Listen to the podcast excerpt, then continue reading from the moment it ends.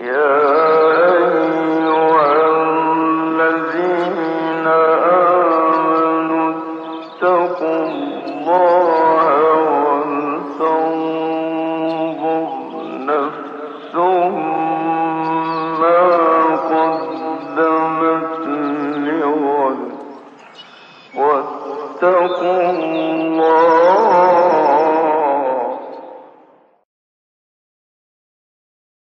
Bismillahirrahmanirrahim. Elhamdülillahi Rabbil alemin.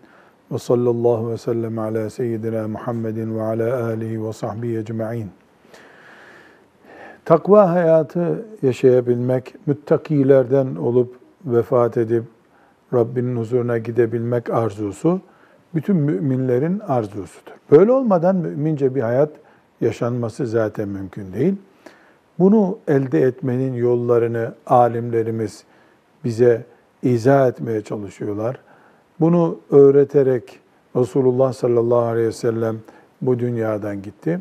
Dolayısıyla takva bir hayat, ahlakı üstün bir hayat, Allah'ın razı olacağı işleri yaparak yaşanan bir hayat nasıl elde edilir? O uğraşılıyor. Bunun için önce manevi hastalıklar dediğimiz hastalıklardan arınılması gerekiyor ki her e, hastalık Allahu Teala'nın razı olacağı şeylerden bir nebze uzaklaşma anlamına geliyor.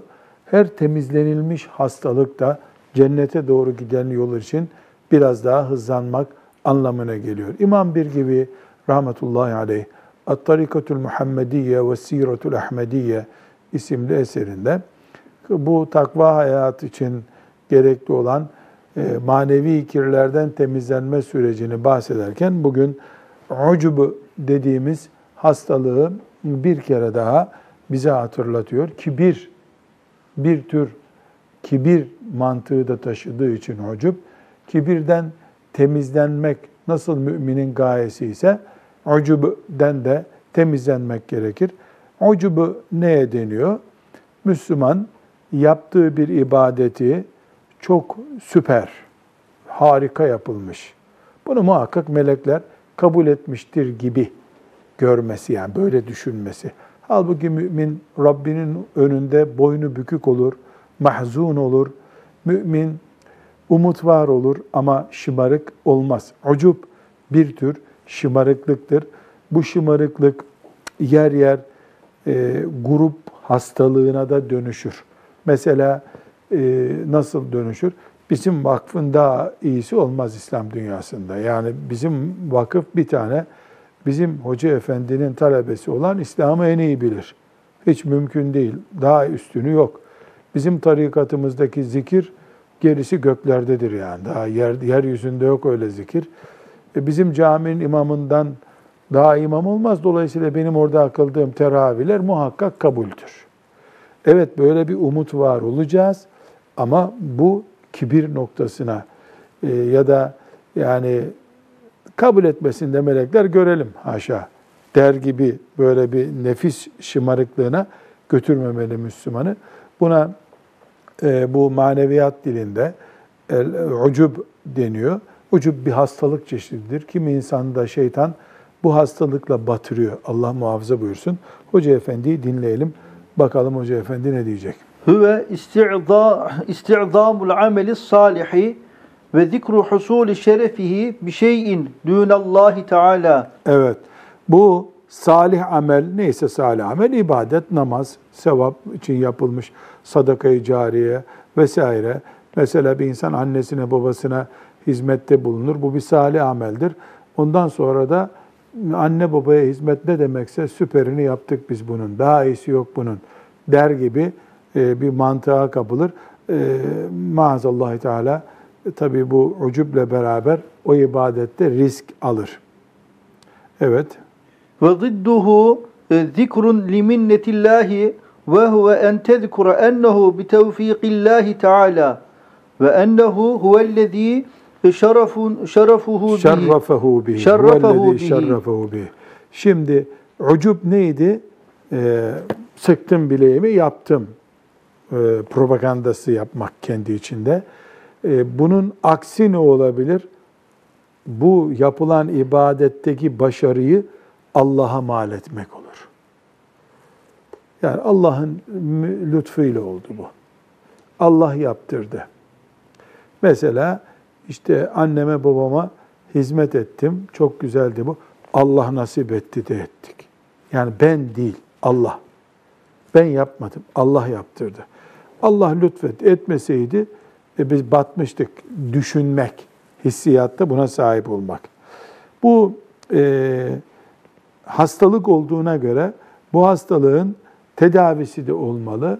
Tedavisinde neler tavsiye ediyor şeyhimiz? Ma'rifetu enne külle şeyin bi halqillahi teala ve iradetihi ve enne külle ni'metin min aklin ve ilmin ve amelin ve cahin ve malin ve gayriha min Allahi Teala vahdehu. Evet. Bir kere mümin bilecek ki ne olursa bu dünyada Allah yaratıyor da oluyor. Aklın varsa aklını Allah yarattı. İlmin varsa ilmini Allah yarattı. Amel yaptıysan koltuk sahibi oldu. Her şey Allah'ın lütfuyla. Seni Allah yaratmasaydı bunlar hiç konuşulmayacaktı senin için. Yarattı. Sana güzel ses verdi, hafız oldun. Zeka verdi, hafızlığını kullandın, alim oldun. Yahu tamam her şeyi sen yapıyorsun görünüyor ama bunu asas yaptıran Allah'tır. Böyle bir iman sahibi olursa insan bu bataklığa düşmez. Korur Allah onu. Feale saliki eşşükru ala e, ala kulli ma vecede minen ni'ami min ilmin ve amelin ve gayrihima. Yani mümin insan ne yapmalı? Oturup bu tip nimetlere yani ne var sende? Mesela çok güzel Kur'an okuyorsun. Sen Kur'an okuyunca insanlar ağlıyorlar. Ee, şükret, şükret Allah sana güzel ses vermiş. Kur'an'a hizmet ettiriyor seni. Yani bunu bunun şükrünü yapmak lazım. Haddini bilse insan bu tip bataklıklara düşmez. Sıkıntı nereden kaynaklanıyor? Sesi olan zannediyor ki bu sesi ben yaptım. Ee, e, sen bir soğuk su içsen o sesin gidecek. Bu kadar senin elinde olup olmayacağı belli olmayan, belli olmayan bir şey. Yani namaz kılıyorsun. Ya Allah Teala sağlık verdi de, sana akıl verdi de, iman nimeti verdi de, kılacak cami verdi de sen kılıyorsun. Karnını aç bıraksaydı Allah, e, dilenmek zorunda olduğun için namaz kılmaya da vaktin olmayacaktı diye düşünmesi, insan gerçeğini düşünmesi lazım. Burada bir hadis-i şerif almış Hoca Efendi, 174. hadis-i şerif. E, ne buyuruyor? Efendimiz sallallahu aleyhi ve sellem Bezzar ve Beyhaki'nin rivayet ettiği bu hadiste hadisi okuyalım hocam. Selâthun muhlikatun şuhun muta'un ve heven muttebaun ve i'cabul mer'i bi nefsihi. Yani Efendimiz sallallahu aleyhi ve sellem üç şeyi e, tehlikeli, helak eden şey olarak görmüş. E, insanın sürüklendiği cimrilik ve e, tabi olduğu yani kaçırmadığı zevkleri ve herkesin kendisini beğenmesi. Zaten kendini beğenmek demek, arzularını yüceltmek demek. Arzusunu yücelten bir adamın da kendinden başkası o derdi olmayacağı için o da cimri olarak kalacaktır. Bu e, bölümde e, biz e, Ucub isimli tehlikeden konuştuk. İnsan bilhassa salih ameller, yani ibadet için yapılan amellerde kendisini abartmasıdır. Kibir neydi peki? Kibir ise Müslümanın başka bir Müslümanı hor görmesidir. Burada o kibirde iki insan arasında büyüklük küçüklük var. Bu ucubde ise insan kendi amelini abartıyor. Kendi, kendi kendine reklam yapıyor yani kendi büyütüyor. Bir başka hastalık çeşidi kalp temizliği sağlayabilmek için o da e, el haset. Haset dediğimiz hastalıktır. E, hasedin tarifini hocam okuyalım. İradetu zevali ni'metillahi Teala an ahadin mimma lehu fihi salahun diniyyun ev, ev dünyeviyyun. Burada hased de Türkçe'de kullanılıyor. Haset etti deniyor. Türkçe'de biraz tabii dar manada kullanılıyor. Ama e, özet olarak Türkçe'de bilinen bir kelime haset etmek. Şimdi Ee, dünyevi veya uhrevi. Dünyevi veya uhrevi. Yani dünyalık bir mal da olabilir. Ahirete ait bir şey de olabilir. İkisinin de birleştiği şey Talha Hoca'nın sarığı olsun isterseniz. Hem dünyevi mesela iyi bir Japon tülünden mi yapmış mesela. Neyse, hem de ahireti gösteriyor, sünnete uyuyor. Şimdi ben Talha Hoca'nın sarığına baktım. Yani güzel mi? Güzel değil mi? Güzel. Ya harika sarığın var senin Talha Hoca dedim. Bunda bir sakınca var mı? Yok. Yok. Ha, hakikaten güzel. Gerçi çok bir alim gibi sarmamış değil mi? Biraz talebe gibi sarmış. Çok kalın değil hocam. Çok kalın değil değil Çok mi? kalın değil. Yani demek ilmin az senin. 10 sene Arapça okudun ama o sarıkla da az kalmışsın sen. Eğer sarık ilim gösteriyorsa, ilim gösteriyorsa, bizim köyde değirmen vardı. Bir tane onun taşı senin sarıktan sarındı. Daha alimdi o zaman o. Değil mi? Sarık bir şey göstermiyor ama sünnete uygun bir şey. Şimdi buna gıpta deniyor. Beğendik. Hoşumuza gitti. Gıpta ettik. Yani çok güzel sarık. Biz de alim olsak da sarsak dedik. Bir sıkıntı yok. Fakat ben içimden geçirdim ki Talha'da niye var ki o sarık? Boş ver. Talha e, takke sarsın, takke kullansın, ben o sarığı sarayım. Yakıştıramadım onu ona. Niye? Ya Talha benden genç. Hem o benim kadar okumamış. Dolayısıyla o sarık onun hakkı değil, benim hakkım. Bu haset. Bu yaktı bitirdi Müslümanı işte. İlla böyle manevi bir şey de değil. Mesela bir gün geldi vakfa, baktı ki Talha Hoca'da sıfır bir araba. E bizde 10 senelik araba. E, Talha'nın niye arabası oluyor ki? Böyle konuşsak zaten bu adilik, bunu herkes yapmaz. Ama içimden geçiriyorum ben şimdi. İçimden böyle bir kaynama oluyor. Yahu Talha'nın nereden oluyor yeni arabası? O, o kim o arabaya binmek kim? Ne, neyine etmemiş e, eski bir araba? Bir ufak araba yeterdi ona. Bu yeni arabayı nasıl aldı? Niye aldı? Haset. Onda olmasın. Niye olmasın? Sende niye oluyordu, onda niye olmuyor? Onda olunca ben kaşınıyorum. Bir sebebi var mı? Mesela senin malını mı aldı da o araba aldı. Mesela sana borcu var. O araba 20 bin lira. 20 bin lira borcu var sana. Vermiyor onu gidip araba alıyor. Bu haset değil. Ver paramı sen ne alırsan al diyorum. Ama öyle değil. Bana borcu yok. Kimseye borcu yok. Biriktirdi parasını gitti araba aldı. E niye o araba alıyor ki? Niye almıyor? Bilmem. Haset işte bu. Dünyalık işte olur, ahiretlik işte olur. Gıpta etmek buradan bir kenara çekilmesi lazım. Gıpta nedir? Yani sarık yakışmış değil mi Talha Hoca'ya? Yakışmış hocam. Heh, bu gıpta ettik. Olmasın demiyoruz. Yahut da ben sana dedim ki ya Salih Hoca Talha'nın arabasını gördün mü? E gördüm. İyi olmuş değil mi? Tabii iyi olmuş canım. Güzel olmuş. E, yani nimeti konuşuyoruz. İnsanlar birbirleriyle nimetlerini konuşurlar. Yakıştı mı? Ha, güzel oldu mu? Araban güzel mi? Fakat ben içimden kaynatıyorum. Bu niye bu arabayı aldı? Ne edecek bu arabayı? Heh, haset bu. Bu kalp hastalığıdır. Bu kalp hastalığı belki ona bir şey yapmaz ama yani kendi kendini yer o insan. Herkesin çünkü malı olacak, herkesin güzelliği olacak. O haset bir hastalık ya. O kendi malını saymaktan çok başkasının elindeki imkanları sayacak bu sefer. Yani bedava muhasebeci, zararlı muhasebeci. Bunun için Efendimiz sallallahu aleyhi ve sellem biraz sonra göreceğiz. Hasetle ilgili dikkat edilmemesi gerektiği konusunda ikazde bulunuyor. Bu bir hastalıktır. Bunun sebepleri var, nedenleri var, sebep olduğu sonuçları var. Ee, onların hepsini konuşacağız inşallah ama mümin yalan konuşmadığı gibi haset de yapmayacak. Özeti bu bunun. Haset yaptığı zaman mümin şeytan onu alır avucunun içinde sağa sola çevirir. Peki hep şu e, soruluyor. E ben istemiyorum haset ama kendiliğinden geliyor. Gelmez kendiliğinden.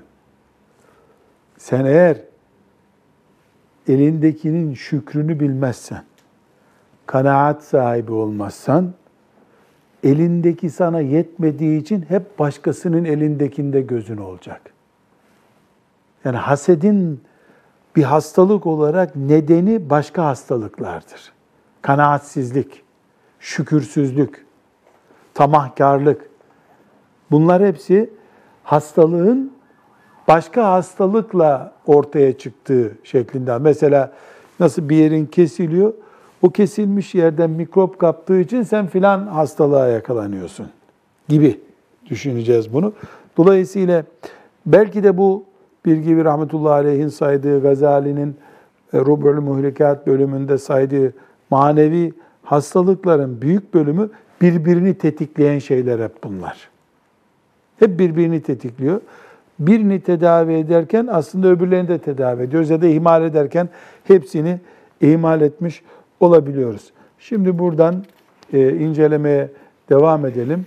Şeyh bir gibi rahmetullahi aleyh bize hadisi şerif naklediyor. E, pek çok hadisler naklediyor ama e, ben burada özellikle çok fazla hadis okumaktan ziyade ya bir tane hadis okuyalım. O hadisimiz ders olsun bize. içimize sinsin. Yani çok bildik, az yaptıktansa az öğrendik, tam yaptık olalım. Biiznillahü Teala. Ee, burada e, ikinci fasılda gavailul hades e, diyor. Gavail ma mana gavail Zararlar. sonuçları Sonuç. yani ortaya çıkardığı riskler havailül haset. Hasetten ortaya çıkan risklerden okuyalım hocam. Birincisi E, İfsadu taati. evet ibadetleri eritiyor. Hangi ibadetleri eritiyor? Yani Talha Hoca'nın sarığına kafayı taktım ben. Niye onun o sarığı var diye. E, sarık onun kafasında. İçimden böyle bir duygu geçirdim. Şimdi Efendimiz ne buyuruyor? İyyâkum Vel hasede. aman hasede dikkat edin. Hasede dikkat edin. Fe innel hasede ye'kulul hasenati kema te'kulun narul hatabe. Allahu Ekber. Hasede dikkat edin. Çünkü haset ateşin odunu yakıp bitirdiği gibi sevaplarınızı yakar bitirir. Çünkü hased bir kötü düşüncedir. Bu uzun süre beyni işgal ettiğinde gözü yoracak, biraz sonra göreceğiz başka sonuçlara sebep olacak ve neticede biriktirdiğin sevaplardan kıyamet günü kaybedeceksin.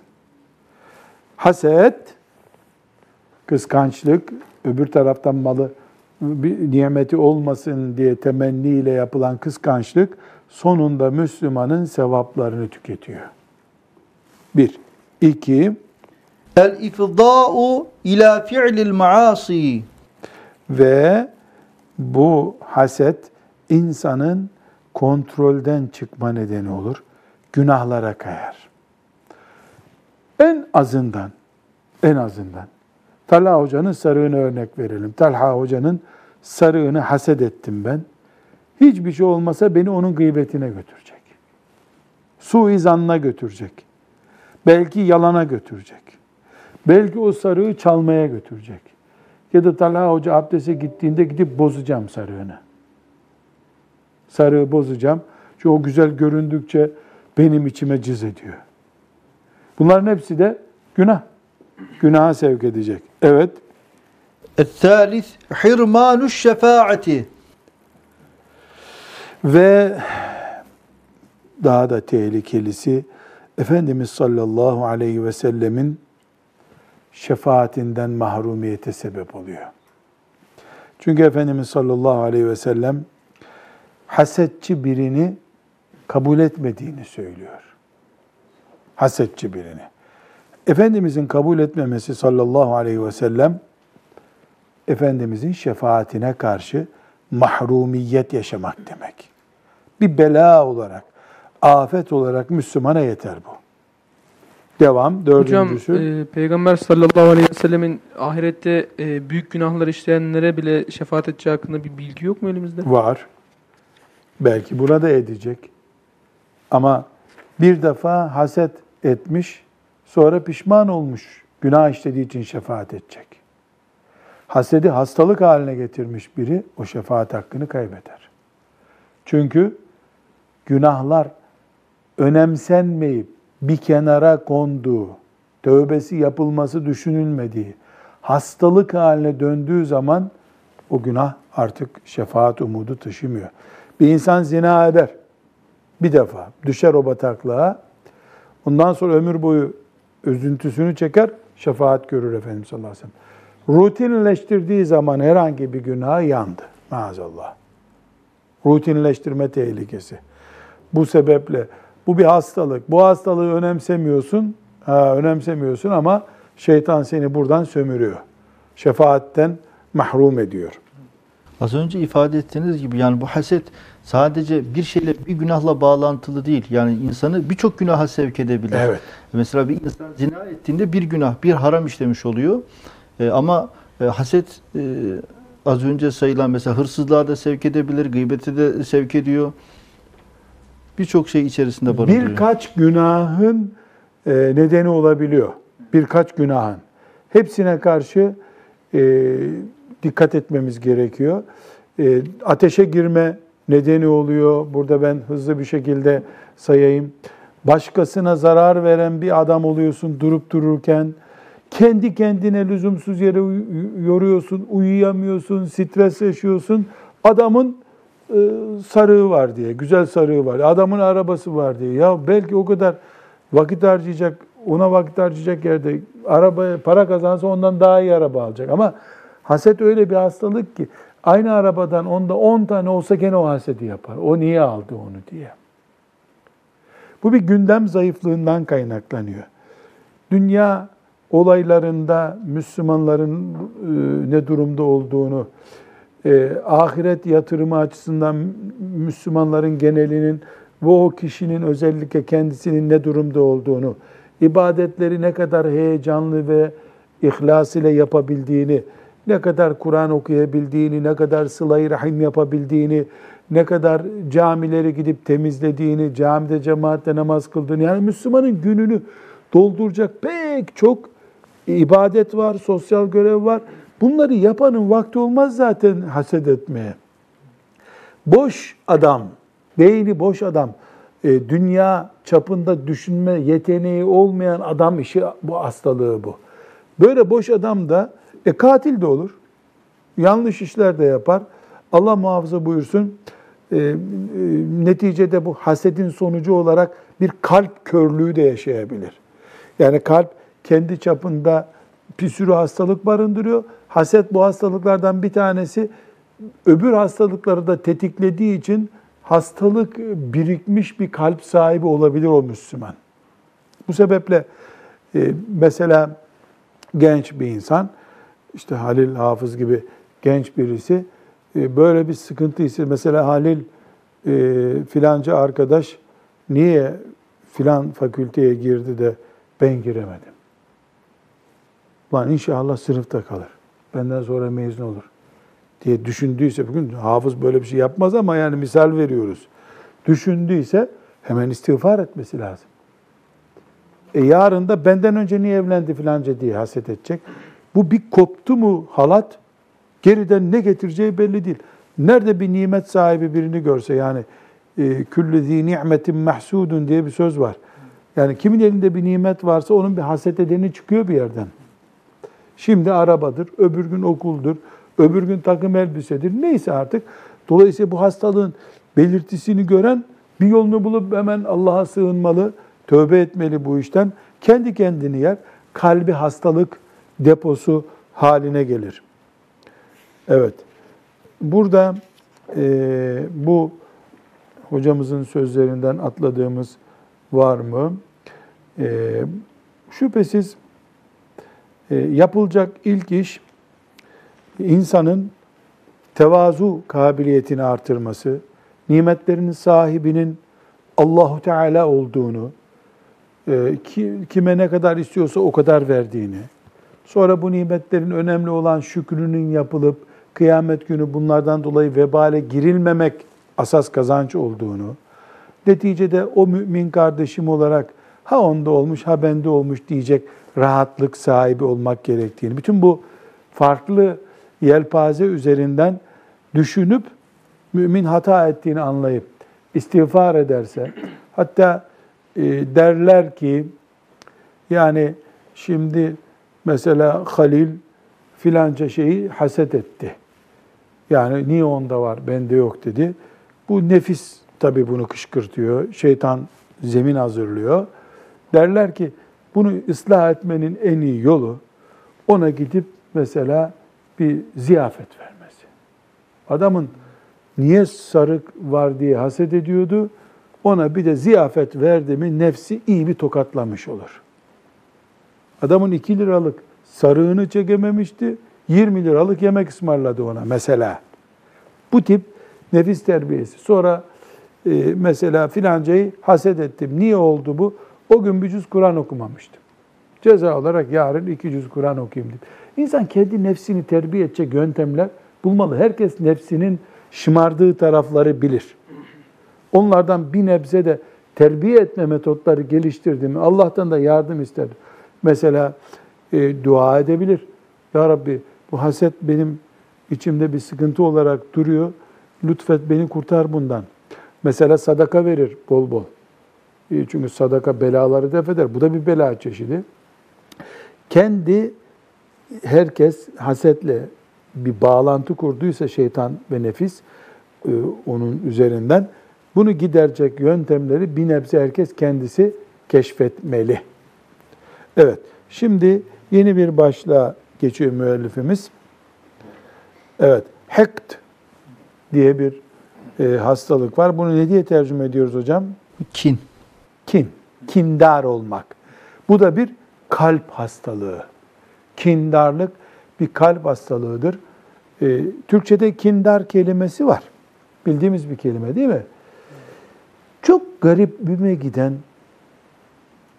böyle insan nev'i olarak sırlarını çözemediğim şeylerden biri. Mesela insan, bizim Karadeniz'de e, Ruslar Bolşevik ihtilaline kadar ciddi zulmetmişler. Gelmişler, köylere kadar girmişler. Yaşlılar kötülük simgesi olarak Rus'u biliyorlar. Hayvanlardan da domuzu biliyorlar. Çünkü domuz da hep gelip mısır tarlalarını eziyor. Dolayısıyla canları oradan yandığı için birine sinirlendikleri zaman domuzlukla onu itham ediyorlar. Çok daha sinirlenenlerin ise Urus diye yani olsan olsan Rus olursun sen. Çünkü daha kötü bir şey bilmiyor. Ve Rus'a karşı çok ciddi bir kin var içlerinde. Bu gavurluktan kaynaklanıyor, o topraklarda zulmetmelerinden kaynaklanıyor. Bunu anlıyorum ben. Yani insanlar kendi ırkından olmayana bir kin besler. Cahillik. Cahili ama ona da bir anlam veriyorum. Ben kırmızıyım o mavi diye. Anlam veremediğim bir şey var. İnsan üç çocuğundan birine nasıl kim besler? Kendi doğurduğu çocuk, büyüttüğü çocuk. Gelinine kim besler, damadına kim besler bunu anlıyorum. Yani başkasının çocuğu, işte kızıma zulmetti, oğluma zulmetti neyse ama kendi doğurduğu dört tane çocuğu, büyüttüğü çocuğu var, üç tane çocuğu var. Bir tanesini böyle karanlık bir yerde görse tutup boğacak. Öyle kim beslemiş?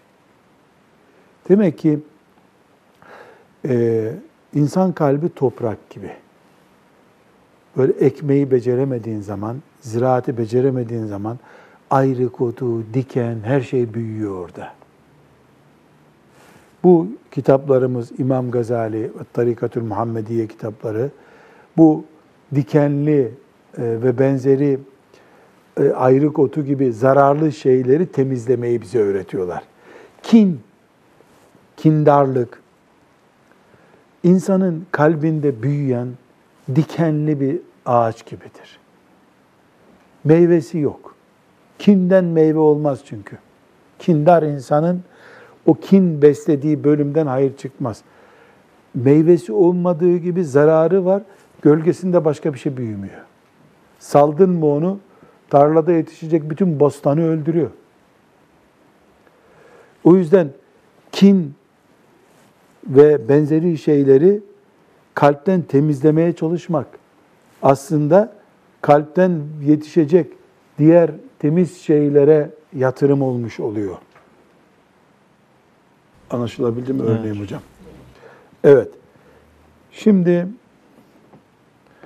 bu e, kinden ne kastediyor? Tarifini okuyalım. Ve huve en yelzeme nefsehu istithqale ahadin ve nefara anhu vel buğda lehu ve iradete şerri lehu.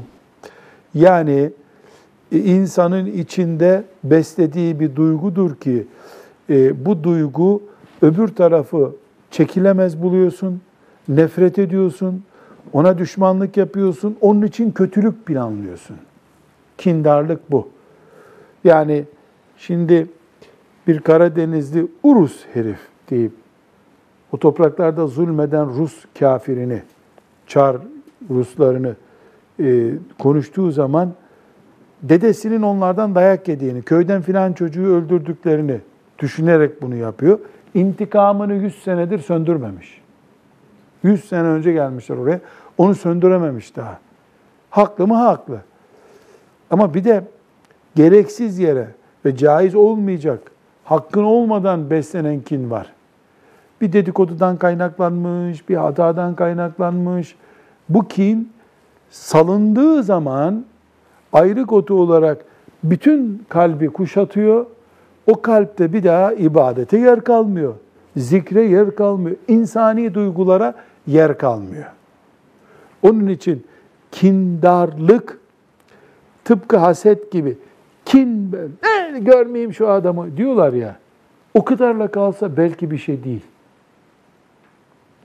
Mesela e, ben böyle örneğini görmedim ama yaşlıların anlattığı şeyleri dinliyorum. Eskiden evler hep e, ahşaptı ya. Bu kindar insanlar kavgadan sonra bir gidip gidip öbürünün evini yakarlarmış. Köy mezra evlerini yakarlarmış. Nasıl olsa bir kibrit çaktın mı gidiyor ev. 20 senelik, 30 senelik çam ağacı. Atıyorsun kibriti gidiyorsun. İçeride hayvanlar yanıyor, insanlar yanıyor. O rahat ediyor. O dumanları seyredip keyif alıyor. Bu noktaya gelmemesinin çaresi işte bu terbiyeyi, Kur'an terbiyesini almaktır. Bu Kur'an terbiyesini almayıp ya da bir gevşetip esnek bıraktığın zaman bir ufak kavgadan bir araba kazası mesela farını kırdı arabanın. Orada iki tane insanın cenazesi çıkıyor sonra ya. Arabanın farı kaç para, insan kaç para ya? Hiç ölçümü yapılan bir fardan dolayı bir insan öldürülür mü? Ama o kini bir kere salıyorsun sen. Saldın mı şehri yaksa rahat edemez o. Oluyor. Maazallah. Hükmü nedir peki bunun? Ve in kâne bi zulmin feleyse bi haramin. Eğer eee, ortada bir zulüm var, Ruslar zulmetti bize, biz de ona kim besliyoruz? Bu haram değil şüphesiz. Ama eee, bu bir zulümden kaynaklanıyorsa, mesela babayı örnek verdik çocuğuna nasıl nefret eder diye. E, milletin içinde babasına el kaldırmış. E baba ona kim besleyebilir? Bu haramdır demeyiz. Ya da mesela esnafın parasını vermiyor adam. E bu bu kini beslemesen buna demek yok. Ama şu var, bu e, hakkı dünyada nefret, ahirette de muhasebe konusu yapmaktansa helal ettim gittim diyen hangi haksa eğer, eğer e, faziletli olanı yapmış olur. allah Teala ne buyuruyor? Ve en ta'fu akrabu littakva. Affederseniz takvaya daha daha, e, daha faziletli olur. E, kinle ilgili ayet hangisi hocam Kur'an-ı Kerim'de? Yok. Vel kazimine vel ayeti oku baş. وسارعوا الذين ينفقون في السراء والضراء والكاظمين الغيظ Gayzı yani kini içinde gömüyorlar. Vel afine عن الناس ve affediyorlar. Vallahu yuhibbul محسنين muhsinin. Allah böyle iyi kullarını sever. Evet, bir hak vermiş Allahu Teala. Mahkemeye git. e, Hatta git e, köyde insanlara anlat. Bana böyle zulmediliyor de. Buna izin vermiş Allah. Ama affedersen de severim buyuruyor. Evet. E, Bir hastalık olarak kini konuşuyoruz. Bu e, şöyle bir soru dikkatimizi çekmesi lazım. Yani Müslüman amenna, hacı amenna, zekat verir, sadaka verir, doğru. Çok e, cami yaptırmış. Bu adam bulaşabilir mi böyle bir hastalığa? Bulaşır. Yani adam hacı efendidir, cami yaptırmıştır vesaire vesaire. Ya hastalık bedenin hali yani insan dün sağlamdı bugün hasta olabilir. Ciğerleri çürüyebilir, romatizma olabilir, düşüp ayağını kırabilir. Tıpkı bunun gibi. Çok iyi Müslüman da salarsa kendini şeytanın cirit attığı yerlere bu hastalıklardan birine yakalanabilir maazallah. O sebeple kindi, ucuptu, kibirdi, benzeri şeyler garantili kim var bu dünyada? Var. Sallallahu aleyhi ve sellem. O garantili. Şimdi o var mı? Yok.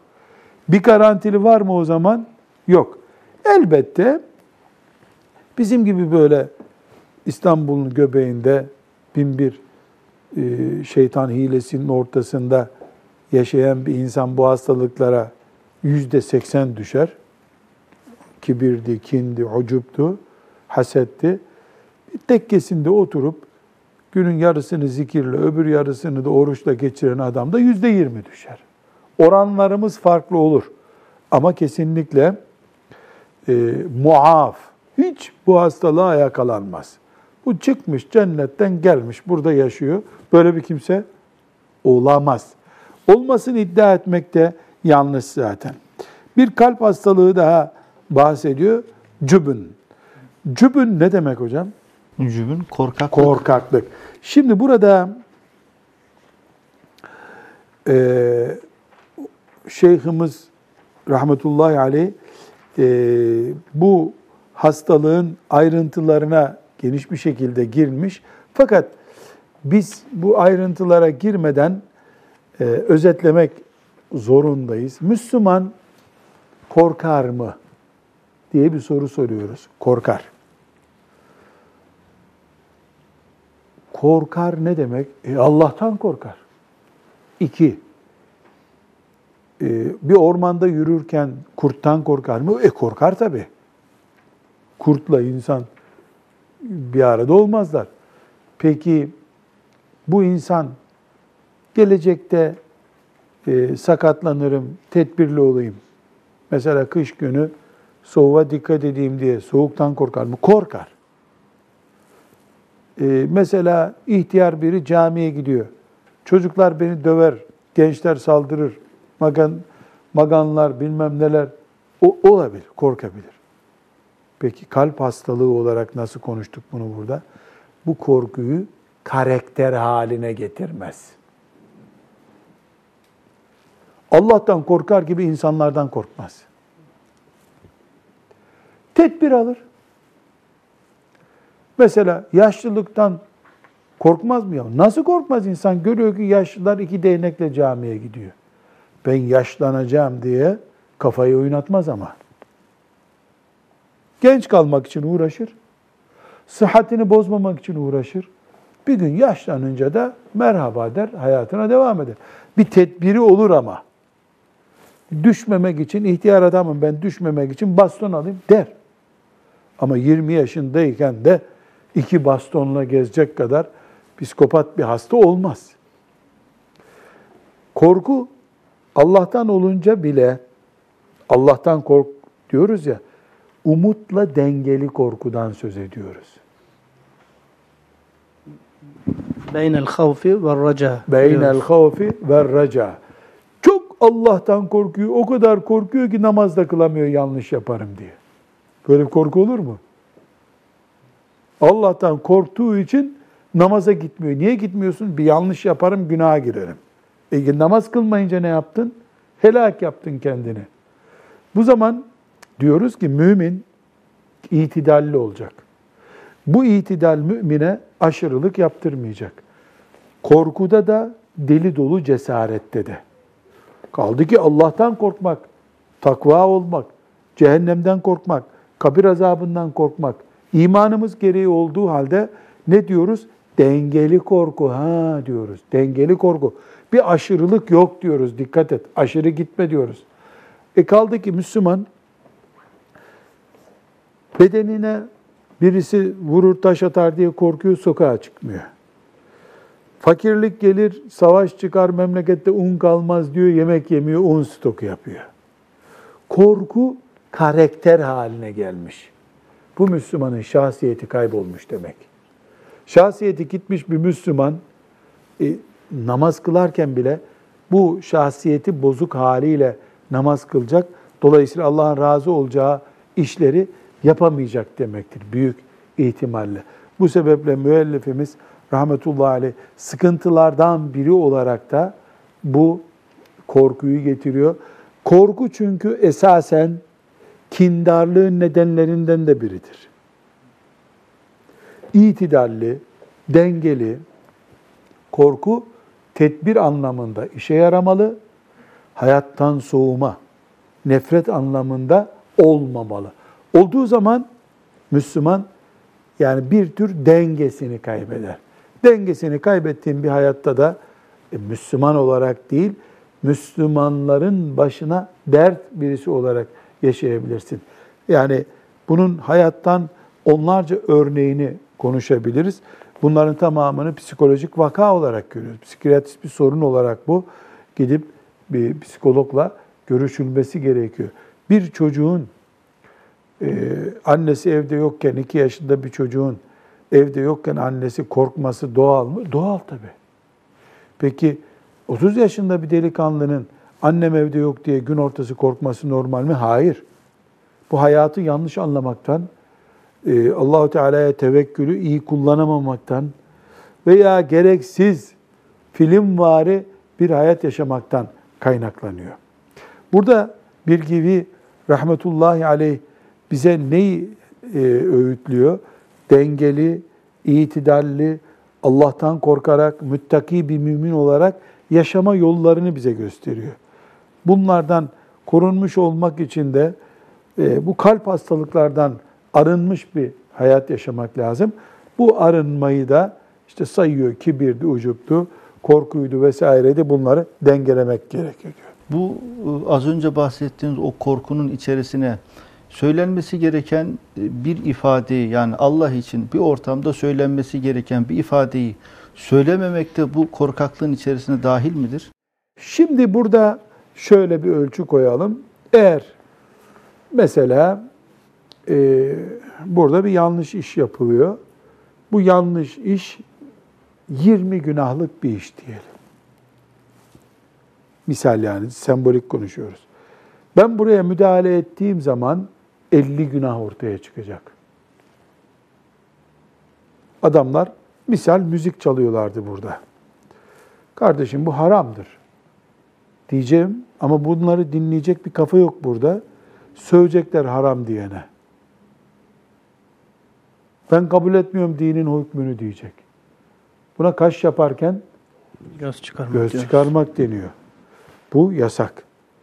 Yani emri bil maruf nehyanil münker yapacağız da yaptığımız iş masrafına değecek. Burada insanın canına kastedileceğinden korkması da dahil. Çünkü sen bir emri bil maruf yapacaksın. Niye? Müzik dinleniyor. Adam çak bıçağı batıracak, öldürecek seni. Adam müzikten 20 günah kazanıyordu. Bir Müslümanın katlinden ebedi cehennemde kalacak. Kazara öldürülürsün ayrı. Ama bu adamların bıçağa sarılacağını bile bile orada o eylemi emri bil maruf nehy al münker yapmayı caiz görmüyor ulemamız. Ya da şeriatımızın emirlerini böyle anlıyorlar diyelim. وَلَا يَخَافُونَ لَوْمَةَ لَائِمْ ayeti var hocam bir de. Yani insanların Kınamasından kınamasından çekinmiyorsun. korkmamak. Kınama, protesto, canla ilgili, malla ilgili, dinle ilgili bir zarar değil ama. Yani sana molla diye bakıyorlar. Sen hala o kafada mısın diye bakıyorlar. Bu kınamadır. Yoksa e, ortada bir can can can büyük bir değer. Yani insanların bizim hakkımızda söylediklerini burada ölçü alacağız. Zanları, Evet. bakışları, kaş göz hareketlerini aldırmamak. Levm budur. Tamam. Peki devam edeceğiz inşallah. Ve sallallahu ve sellem ala seyyidina Muhammed ve ala alihi ve sahbihi ecma'in. Velhamdülillahi Rabbil alemin.